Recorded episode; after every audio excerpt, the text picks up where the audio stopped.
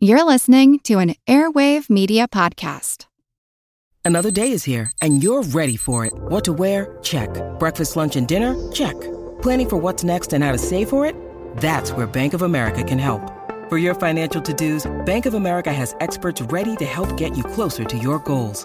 Get started at one of our local financial centers or 24-7 in our mobile banking app. Find a location near you at bankofamerica.com slash talk to us. What would you like the power to do? Mobile banking requires downloading the app and is only available for select devices. Message and data rates may apply. Bank of America and a member FDIC. When you need mealtime inspiration, it's worth shopping Kroger, where you'll find over 30,000 mouthwatering choices that excite your inner foodie. And no matter what tasty choice you make, you'll enjoy our everyday low prices, plus extra ways to save, like digital coupons worth over $600 each week. You can also save up to $1 off per gallon at the pump with fuel points. More savings and more inspiring flavors make shopping Kroger worth it every time. Kroger, fresh for everyone. Fuel restrictions apply. This is Kick Ass News. I'm Ben Mathis.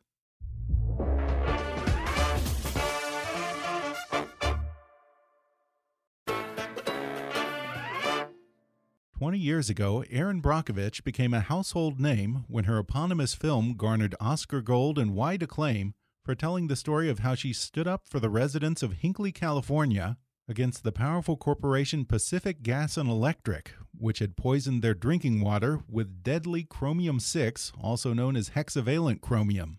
Since then, her name has even become a verb, as in, we need to Erin Brockovich this problem. And according to her, hundreds of Erin Brockoviches have emerged to fight for water safety in communities all around the globe. And yet, with all the attention that the landmark PG&E settlement and the subsequent movie focused on water pollution, Erin Brockovich says that the problem is far from resolved.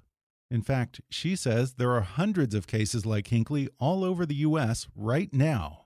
And if you're expecting the EPA, local regulators, or corporate good governance to ensure that the water that you and your family drink is safe, you better think again, because as Erin puts it, Superman's not coming.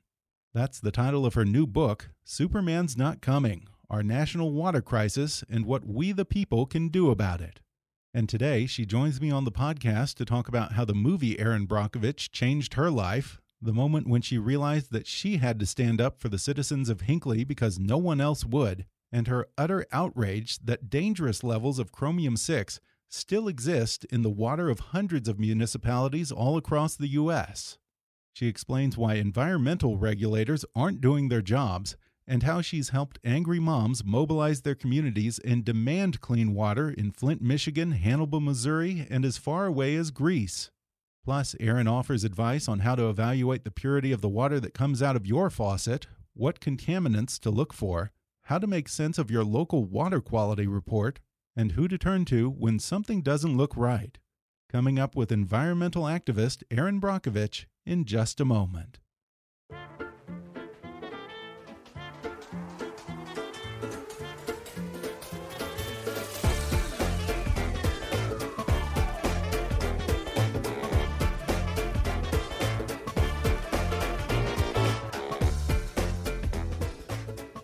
Erin Brockovich is the president of Brockovich Research and Consulting and the founder of the Erin Brockovich Foundation, a nonprofit organization created to educate and empower communities in their fight for clean water. She's the co author of Take It From Me Life's a Struggle, But You Can Win. And Erin has a new podcast called Superman's Not Coming. And that's also the title of her new book, Superman's Not Coming Our National Water Crisis and What We the People Can Do About It. Erin Brockovich, welcome to the show. Hello, how are you? It's good to be here. Thanks for having me on. I'm doing great. It's such a thrill to have you. I, have admired your activism and just your all around spunk and determination for a long time. and I have to tell you, I, I cannot believe time has gone so fast because I just looked it up and apparently this is the 20th anniversary of the movie Erin Brockovich. How has that film changed your life? Well, it does pass so quickly. And I'm reminded every day, I'm like, oh my gosh, how much time has passed. You know, when I began my work out there, I was 30, single mom, three young kids. And here we are. I'm now 60, kids grown and gone, and a grandmother of four. Wow. and it, it just boggles my mind you know how fast time goes, which is always a reminder to enjoy every moment. And the film did change my life. Uh, I didn't, I had no idea what to expect or uh, an outcome like this. Steven Soderbergh was very visionary, and it's something that, you know, just had staying power, if you will. I think I'm surprised that the film woke so many people up to groundwater contamination. And mm-hmm. I'm surprised that we are still dealing with it today. And it's not better, it's worse. And there is a Hinckley in every state, if not globally. That blows my really? mind. Wow. I just kind of assume, you know, based on the fact that, you know, the movie got all these Oscar nominations and won a number of Oscars and raised so much awareness that you know problems like hexavalent chromium aren't really plaguing the United States, and someone actually did something about this. Is, is that not really the case? Well, my gosh! First of all, you know, even after the film, PG&E was still messing around out in Hinckley. The entire town is mm. gone now. They they're under a cleanup order that could take you know up to a hundred years we had environmental working group did a big study and they're showing two-thirds of our municipal systems have hexavalent chromium in it we're involved in hexavalent chromium contamination cases in texas uh, you see hexavalent chromium though they'll say it's naturally occurring in north carolina hmm. i was involved in a hexavalent chromium case in oinofyta greece where the asopus really? river is so contaminated with chrome 6 that the river runs purple. Oh, I've wow. had chromium 6 cases in Australia, France, South Africa. So this is like a chemical that's got a global reach. So uh, it does happen, and, and it's just not the Chrome Six. And all of my years of work ultimately led to the to the book Superman's Not Coming. It mm-hmm. was a depository, if you could, or envision that of inspiration of how communities are rising, uh, gives you a good factual understanding of how agencies run chemicals. Um, and, you know, we should be testing them before they hit the marketplace, but that's not what we do. They get into the marketplace, then we're exposed to them for 10, 15, 20 years to only find out, mm-hmm. oh, wow, a chemical actually causes a disease we talk some about climate change. We show you certain chemicals and how they work, um, lead and its policy issues, TCE, hexavalent chromium, adding ammonia to the system. So, the book, whatever your cause is, you need tools to know how to fight. And the book is that it's a place and a resource for you to go and learn and have networks and um, have the tools to fight whatever issue it is you're going through in your own backyard. We we we can't keep waiting for it to trickle down from the top. Mm-hmm. When what's happening in your own backyard, we can rise, we can get to city council, and we can start making changes. Yeah, and the title of your book, Superman's Not Coming, acknowledges an unfortunate reality that corporations that should be self policing and the environmental regulators who should be looking out for the people just aren't. Eh, you know, I get that corporations can't always be trusted to act in the public interest when there's money involved, but why the hell isn't the EPA and the various agencies at the local and state levels, why aren't they doing their jobs? Yeah, that's an excellent question. And I've been out there watching it. I, I, I think at some level, fear is a huge component. Uh, you look at Flint, Michigan, where that was an absolute agency failure the water system, the water provider did everything you weren't supposed to do. And then all the way up to the governors, the, the cover up, you know, why they want to cover up uh, their lack of transparency. I, I question every day. I think it's fear because somebody's going to get fired, right? Mm-hmm. Um, as we look at criminal charges, somebody could go to jail um, for their own agenda and for for money, for greed. All these things get covered up. And all these years of that has created great distrust with the people and these agencies. And it shouldn't be that way. You know, I think corporations have an old, antiquated business model, if you ask me. And I think that we rely on old, antiquated policies that aren't applicable to today. And we need to get busy reforming and changing policies and, and laws. And companies need to invest their money on the upfront. You know, mm-hmm. infrastructure, people, and safety first, instead of covering up their shenanigans. And at the end of the line, they've now damaged people, the environment, the infrastructure is failing, and they're facing billions and billions of dollars in lawsuits. There is a better way and a better business model to be had. For sure, but uh, correct me if I'm wrong, but in the case of Flint, it wasn't actually a big corporation that was polluting the water. It was the municipality itself, right? Absolutely. And that goes to, wow. well, they made it bad That's even more angry. Part. Yeah, well, Flint is something that was, you know, Hinckley woke us up to obviously water pollution and corporations and the shenanigans and the cover ups that go on there. It's a really bitter pill to swallow to realize in your own state, your own municipality, and your own government knew. And unfortunately, we see this across the board. And to answer your question, what goes on with these agencies, and we talk about it in the book, I don't know if it's they're inept or if the system's designed that way.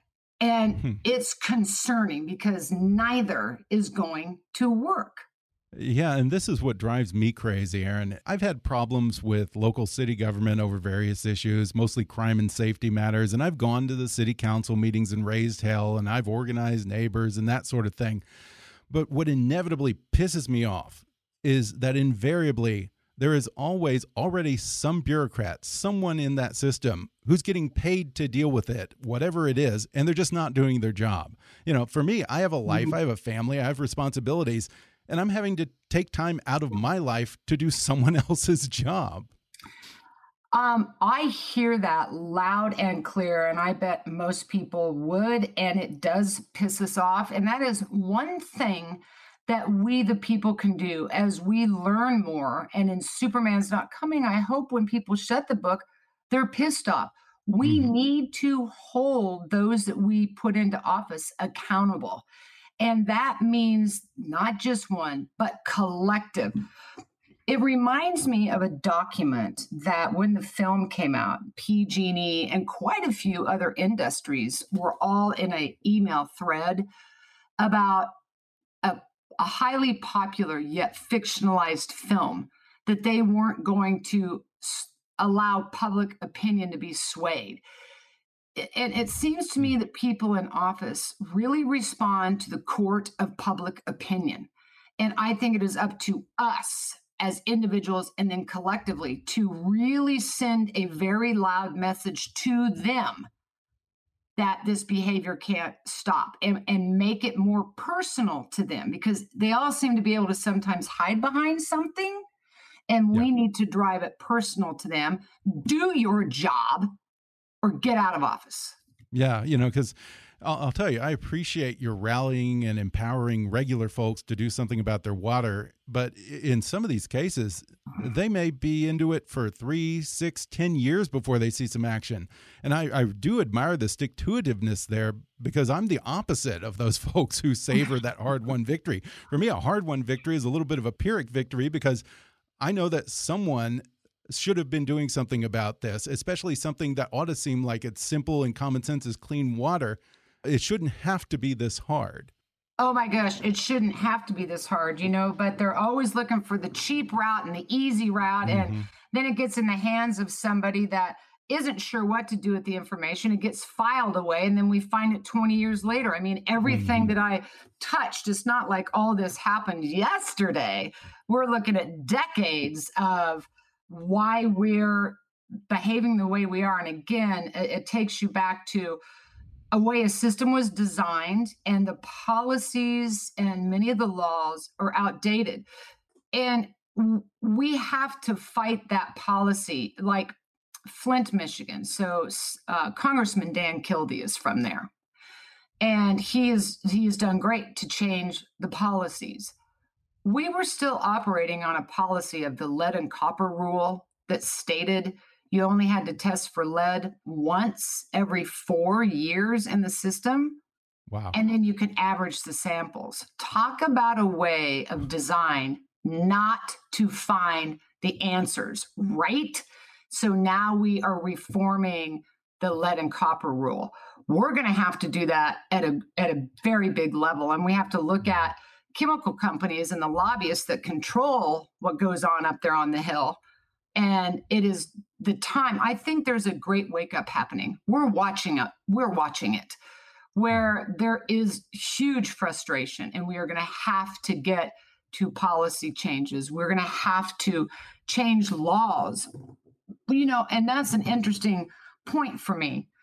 When we were doing Hinckley, and I had been out there for nine months and finding everything out and the cover up and the damage and the people, um, it was horrific. And this company, what they were getting away with, and Ed and I had a conversation, and he said we weren't going to be able to move forward because of a statute of limitations issues. So an outdated law would hold us back. And I said, I'm not going to believe that from you, Ed, because we sit in a law library of all these laws and how they came to be because somebody challenged it.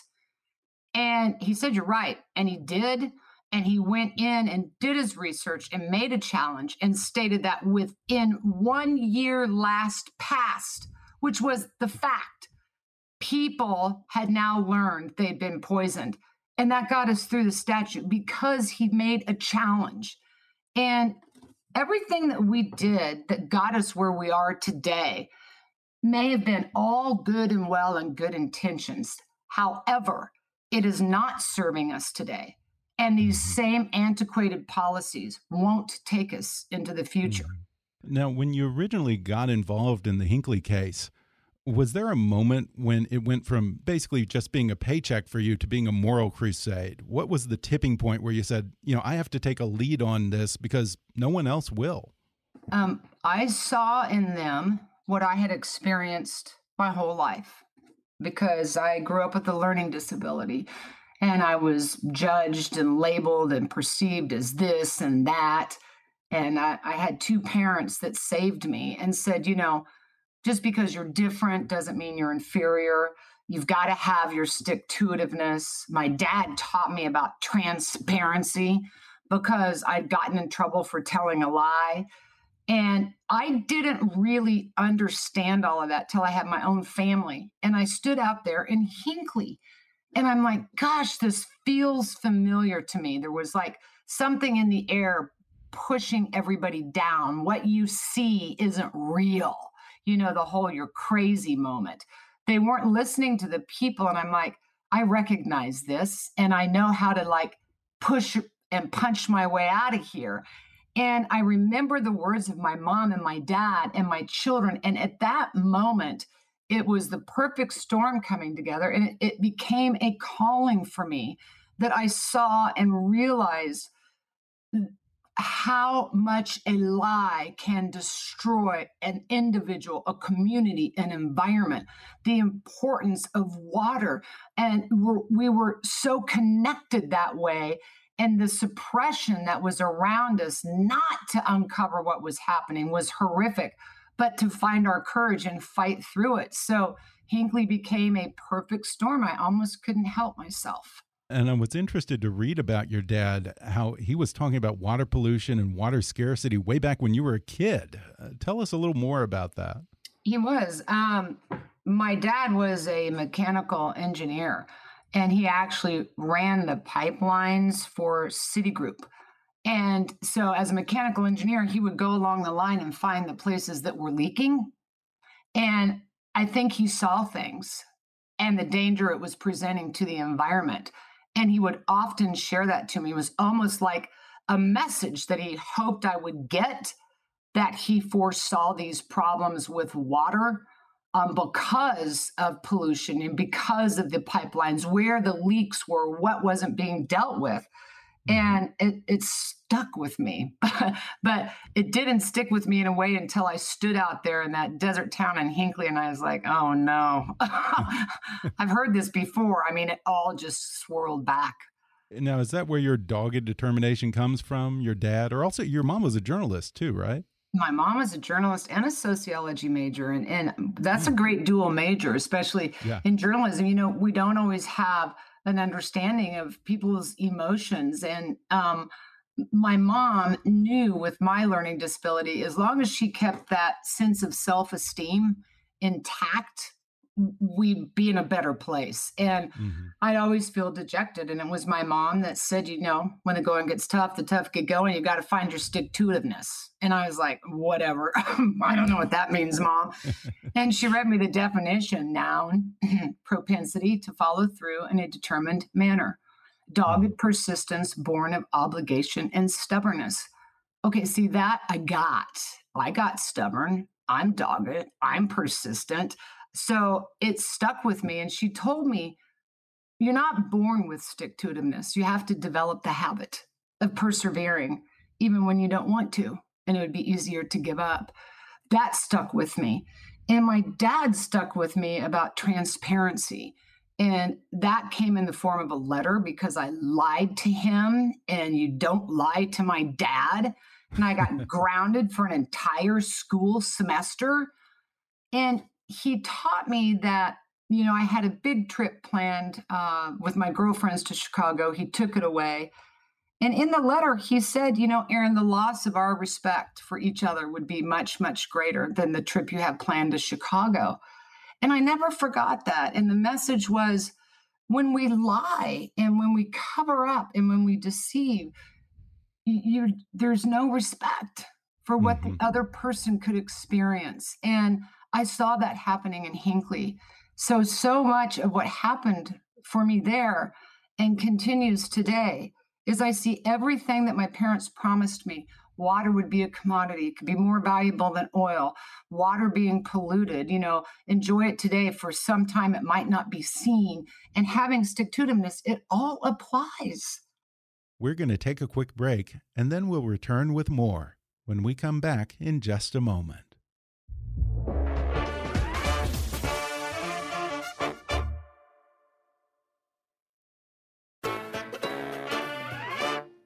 Another one of the best lessons in here is trusting your eyes and ears and your common uh, sense, what it tells you, not just you know letting the suits tell you that you don't know what you're talking about. And that's kind of a consistent theme that comes up with you. Oh, it. Let me tell you, that is the one thing that will really piss me off. Yeah. When when I'm standing in Hinckley, I know what I see two headed frogs in green water, and you're going to try to tell me that's the norm, or you couldn't possibly have seen that even though you weren't there. I honestly come unglued. And that's that's what happens to so many of these people in this community and that's that moment that it's a gaslight and it's because they don't want you to find out what's going on and they push back on you the other way and this is where you got to have a real strong sense of self. You know you know you could be i've had this moment with an ex that says like oh you're crazy and you're like okay maybe i am crazy and then i'm walking out going no i'm not! No i'm not! So we all understand that and you know in the book if you peel back the layers of the environment and water you're going to get to you. And that's where your movement, your cause, your determination comes from. But you got to get to you and find your courage and go, you know what? Mm-hmm. When I stood in Hinckley and people said to me, well, you're not a scientist or a doctor or a lawyer. I mean, why should we listen to you? And I was like, okay, you're right. I'm not, but I don't have to be any of that to be a human and to tell you what I see is effed up. Mm-hmm. And I'm not going to shut up. And so when we own what we see and what we know and what we feel, we can push through better. And and again, the book gives you some of those tools because you're not alone. Uh, everywhere I go, these communities feel this way. Mm-hmm. And probably 99% of the time, there will be, and there always is, a mother who's about had it and is going to make it her job to learn what's going on. And sh- boy, like talk about determination, they'll hang on to it. Yeah. Till they see it through. Yeah, it's always the moms. You know, you threaten their babies, Yep. and they'll get riled Oh. up, and they won't let that bone go, will they? oh no, I've seen it before. You know, I'll tell you, eight times out of ten, I'm a cheerleader. They're going, yes, you know, go. and you know, we talk about in the book. You know, people email me. I think they're looking for permission, but what they need is support. Mhm. and they've got to give themselves permission and join others in their community for that support and i'll tell you they'll take off and they find out that they're not alone that it's not another mother it's 5 Mhm. other mothers it's 10 other mothers it's 20 other children and when they start getting together i'm like oh yeah They- they're coming on through and um Yeah. but they own, you know, water's complicated, environmental issues are complicated. They're never a soundbite, it's a story. Mhm. And we share the the women of Hannibal, Missouri, who had lead Yeah. levels extremely high in their water. And their their brain hurt trying to comprehend the information, but they needed to change it for the safety of their children. So they pushed through with it and they'd leave notes on their wall or actually write notes on their wall or post its or ask questions and keep coming back until they got it. And once that happened, and I see these communities when the light bulb comes on, I'm like, oh, now we're going because they're going to go. And Mhm. in Hannibal, you know, they ran for city council and won. Um, they they changed the law. No more ammonia. They have lead free water, and we need look at what's going on in Congress and the 126 new women. I mean, we've got to stop this idea in defining. You have to be this or that in order to do this or that. No, you don't. Well, let me ask you about Hannibal. Ammonia is not naturally occurring in the water there. What what is the ammonia for? What does that do? So, um, real quick, Water 101. So, municipalities bring water in from rivers and creeks and surface water mostly, but also aquifers. And there's organic matter in it, basically dirt. So, when dirt comes in, we chlorinate it so we don't have E. coli and other you know, bacterial and, and different outbreaks in the water. But what people don't know is organic matter and chlorination create a toxic compound called trihalomethanes, regulated by the Safe Drinking Water Act, which states if you can't control them, you have to put on the appropriate filtration system. Well, guess what? That's expensive. But adding ammonia is cheap. so they start throwing ammonia into the system, and they've created a plethora of other damaging issues. A, um, adding ammonia with chlorination, the water is acidic, it's corrosive. We've got a lot of lead pipes, and it causes the lead to leach out of the pipes. So you're seeing lead contamination. That's what happened in Flint. Uh, not in Flint, excuse well, Flint had lead contamination, but not because of ammonia. That's what happened in Hannibal. You further deteriorate your infrastructure adding ammonia renders chlorination less effective. So we're seeing more Legionnaire outbreaks, and that's deadly. So if we would just change a policy or have a national policy or change a policy at a local level like they did in Hannibal, by eliminating ammonia, you would save an already deteriorated infrastructure. You'd have no lead contamination and you'd have less Legionnaire outbreaks. Wow. Wow. One thing, great change and we need to we need to talk about that but it happens again because let's take a shortcut let's take the cheap cut let's not put infrastructure safety and public health first let's do it cheap and we'll find out what happens later And I wonder if you've found a socioeconomic component to water pollution. Are there lower income areas that are disproportionately impacted by water contamination? If so, why why do you think that's the case? Yeah, I, I think that they can push on them, that they'll Mhm. walk away because I, you know, I heard it. Well, I mean, do you have your PhD or your master's? I mean, do you really know what you're talking about? And then I'd question, like, oh, maybe I really don't. And then I'd have to do one of those, yeah, whoa, wait a minute. Um, I can say something here. And um, yes, I do see it.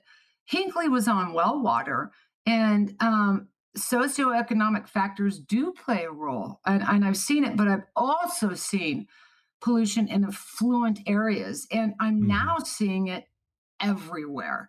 And uh, it will pop up. But yes, I, I, I definitely in the socioeconomic situation, um, they can get pushed back on. And uh, they will question themselves or, or, they may not say something or they're uncomfortable or they've mm-hmm. tried and nobody will listen to them because there's this idea that they won't know they're not going to find out and and we'll get away with it but that's interesting to learn that it, it does cross socioeconomic boundaries because i do remember a little while ago beverly hills high school had yes. a major water contamination issue fairly recently. Uh, has that been resolved? Do you know what happened with that? I don't remember.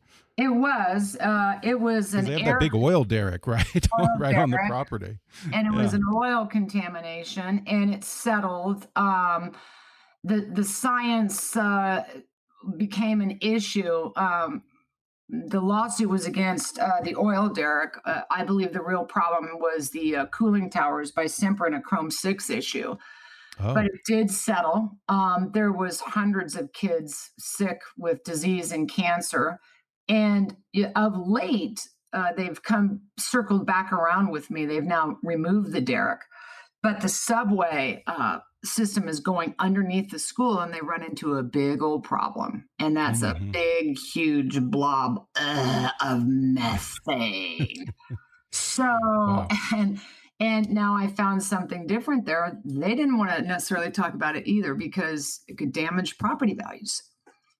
So um, you see a, a, broad spectrum of socio- socioeconomic areas, but the common theme is they don't want to talk about the contamination because I think that they, mm-hmm. at that point, feel labeled and um, it could damage their home values or businesses and i get that but we need to we need to have the conversation and here's the thing we have solutions to it and we will be better going forward the cover up just doesn't isn't working and it's not going to work anymore and i think all of us are seeing that much of our demise is because of how we hid information mm-hmm. and um, it, it's a real problem, but I do see it across the board.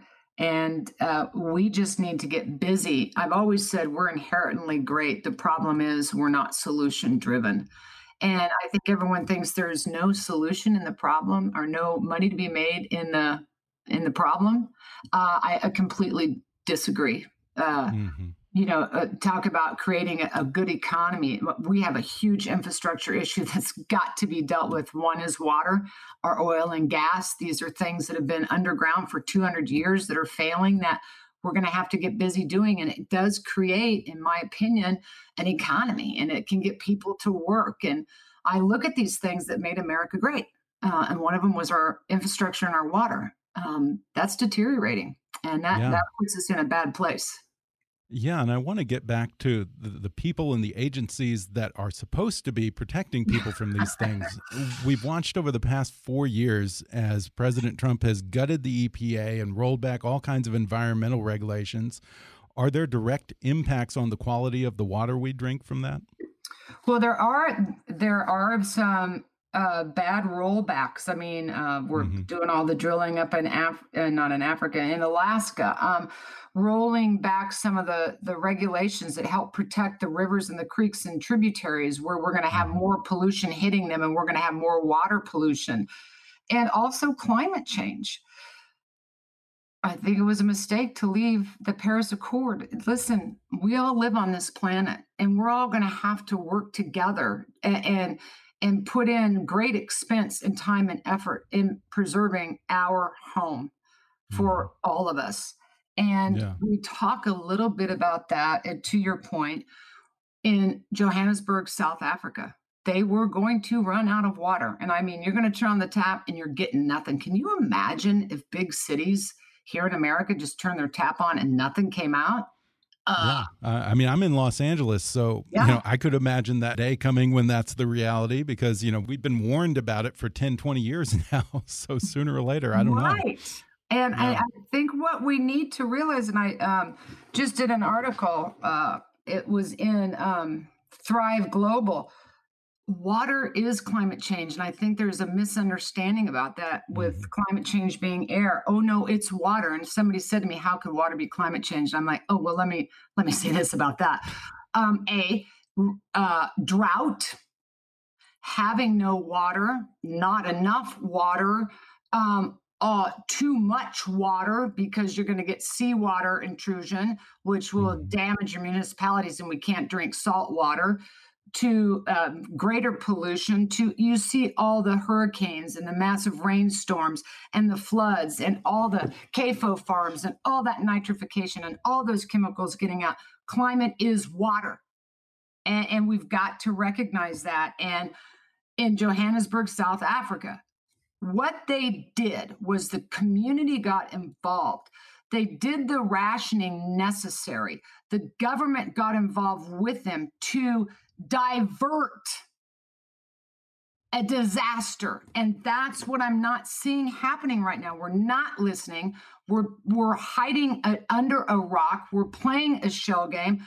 What the idea that we have to go through this to meet the disaster is ludicrous it's about being prepared I was so thrilled many years ago. I got the Julius B. Richmond Award at Harvard and the School of Public Health. And it is about preparedness. And that's what we've got to start doing and stop hiding it and denying it. We see it, it's here. You're in California. Jesus, what, 700 fires? Yeah. God. We're in a drought. What, now Colorado Amazing. is on fire? We've got back to back hurricanes. It, it, it's here. And we yeah. can't just keep burying our head in the sands and playing the shell game. And we've got to own it. And again, get prepared for it. What's the worst that's going to happen? It never mm-hmm. happens. Okay, well, you yeah. were prepared. What if it happens? You were prepared. Yeah, and I constantly wonder how environmentalism has become a politically divisive issue and the science behind it. Because you talk about having grown up in a staunchly Republican family, but your dad believed in clean water, and you also point out that Nixon was the one who started the EPA. I, I, I, I, just wonder eh, why there are so few Republicans who are actually willing to take action on this. Even Reagan took action to lower emissions. Um, I don't know if it's a different party. I don't know because there's plenty of room for them to jump in this. It, this shouldn't be a right or left issue, and that drives right. me insane. When my father talked to me about this, he didn't say that this is a message that you will get because I'm a Republican. I got a message from my father that was a man that cared about the environment. And the Republicans did implement some of our best laws for the environment. And they've changed as a party. Maybe they need to take a look at mm-hmm. that. But there is absolute room for them to get in here and work with us. This is something that we cannot pit against each other. It, it's for all of us. And I, uh, the the policy, I, I won't go there. I, I will never go there. I, you've never convinced me because what you're Republican or Democrat, you deserve clean water, the other side doesn't, or vice versa. That's bullshit. I do wonder, though, do you think that certain segments of the environmentalist movement maybe do themselves a disfavor by rolling in the science of this and the legitimate case for clean air and water into a broader anti corporate, or some would say even anti capitalist message? Because I feel like that's where a lot of Americans get turned off by this. I I hear you, and I'm glad you brought that up. Um, I'm certainly never against. We we all appreciate what corporations and industry has done, and I know we do. When we can turn our air conditioner on on a hot day, when we have heat on a cold day, when we take our family and fly on an airplane and go to vacation, um, to turn our lights on and off, and it it it does. I think the message needs to be it doesn't have to be their way only in the highway and it doesn't always have to be the bottom line is money i get it mm-hmm. and we understand that but again if you change a business model and work with us or give us a seat at the table or extend your hand across that aisle and let's make this right because they have the means to do it they can do it i'm always here to work with them. None of us want them to go away. Plus they provide jobs. I understand that. But you've got to put people safety first. Absolutely. You know, I think part of the problem is that a lot of people wouldn't even know where to begin. So tell me, how do people listening find out what's in their own tap water? Oh, well, again, that's a great question. And first of all, you got to, I've learned with people, you got to know where your water comes from and know who mm-hmm. your municipality is. And if you don't know, find out. It's easy enough to just, there's so many websites, you know, and I play around on Google all the time when I'm, I'm just in the quiet of my own mind and just kind of search around. But you can find out just by zip code who your municipal system is. You should be getting a water quality report with your water bill every quarter. If you haven't seen it, call and demand one, and you will get one.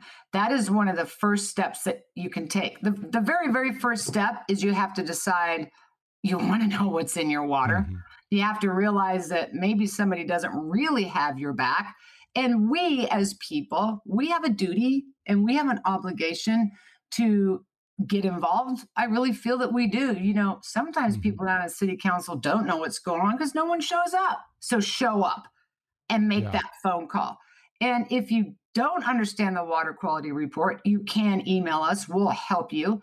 You can go yeah. in and Oh, absolutely. And we've That's done great. that before. Um, I so I had a reporter say, okay, I did that. And I didn't realize I had Chrome 6 in my water. It's not funny, but it was an eye-opening moment for for her. She goes, like, why wouldn't I just know this? Well, here again, you know, you're supposed to have these water quality reports. They forget to send them. They don't know them. It, again, we can't continue to just mm-hmm. assume that yeah. everything is okay.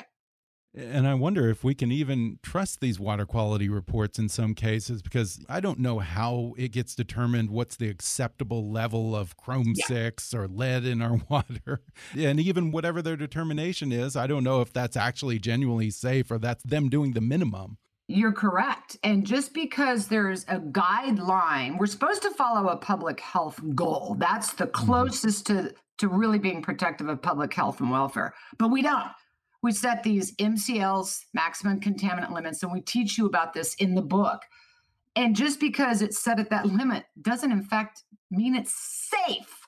So you have to own it and do it yourself and look at what public health goals are, what the level is in your water. Uh, you can go back to the book. You can pick out, you know, environmental working group, go to their map. This is what this reporter did. And she mm-hmm. goes, well, wait a minute. So what they're showing versus what my municipality is telling me versus the public health goal, uh, none of these numbers work because I'm way above that. So again, it's going to go back to policies and questioning it yourself and owning the information yourself. And once you do, you'll take the steps. People ask about water filtration all the time and getting a filtration system at their tap, knowing what's going on is protection of yourself and your family and that's what that's where you've got to start and again not assume everything's okay Okay, I was going to ask about that, but I kind of assumed it might be a dumb question. do those things like Brita filters work and the filters that you attach to your faucet, do those actually get out contaminants? No. So okay. um, again, I, I, I, the book is, you know, it shares a lot and it, it can it's, it's a lot to digest. So mm-hmm. digest a little and put the book down and digest it and then you can come back. Um, depending on what chemical is in your water. So in order to get the right filtration you have to know what's in your water first. Um, depending on the chemical will depend on the filtration. So if you're looking to reduce chlorination and smell you're going to find a ton of filters online and at the store that claim that they will do that, and most of them do. If you have just hexavalent chromium, there are water filtration systems out now that will clean out the chromium because they have one filter. It's usually like a coconut shell, it's that type of filtration. Hmm. But if you also have a solvent, you now need a different type of filter. So, what do you do if you have three and four different chemicals? The best way to remove four or more contaminants at low levels. Again, if they're high levels, like you saw the lead in, fil- in Flint, no filtration works. That is that can clean out the lower level contaminants if it's four or seven or eight is a reverse osmosis. and you can put those on your home. Uh, they can be expensive. Uh, there's some legislation passing uh, in Texas, so it's it's out there now. I've I've been reached out to that about that, where homeowners are going to get a huge rebate for getting those filtration systems out on their house. You can get under sink mounts. Uh, I've used one, AquaTru. They're uh, designing an even smaller one now, and it is a countertop reverse osmosis. It's a nifty little system. But if you want the assurance and you understand that you have uh, chlorination, uh, they show a little bit of lead, you've got some chrome six, and you had the PFOS, which is the firefighting foam breakthrough. A reverse osmosis is the surest way to reduce those low level contaminants so you feel better about getting clean water at your tap. Well, Erin, this book was such an eye opener. And I mean, we live in the United States. No one in the United States, richest country in the world, should have to deal with water that isn't safe for their kids and them to drink. So, if folks listening you know have questions or they find something that alarms them uh, on their water bill whatever Who, how do they reach out because you, you, you, have a whole group for this right yeah well not the price of their water bill but what they see in the water report yeah well and you know what? Here's the thing. Don't be afraid to pick up the phone and say uh, okay yo i don't know what this is. Uh, mm -hmm. you care to tell me? And and you know when you engage in that conversation. I see it happen to people all the time. They're like um yeah no i'm not sure i'm buying that. If you're not stay with that. You can send us an email. You know oftentimes just doing even a little google research about your town and and you see this mm-hmm. chemical it pops up in a news story somewhere and you're like going oh my god and that just that opens the floodgates and that becomes a game changer so just take a step. And one of those steps is ask a question.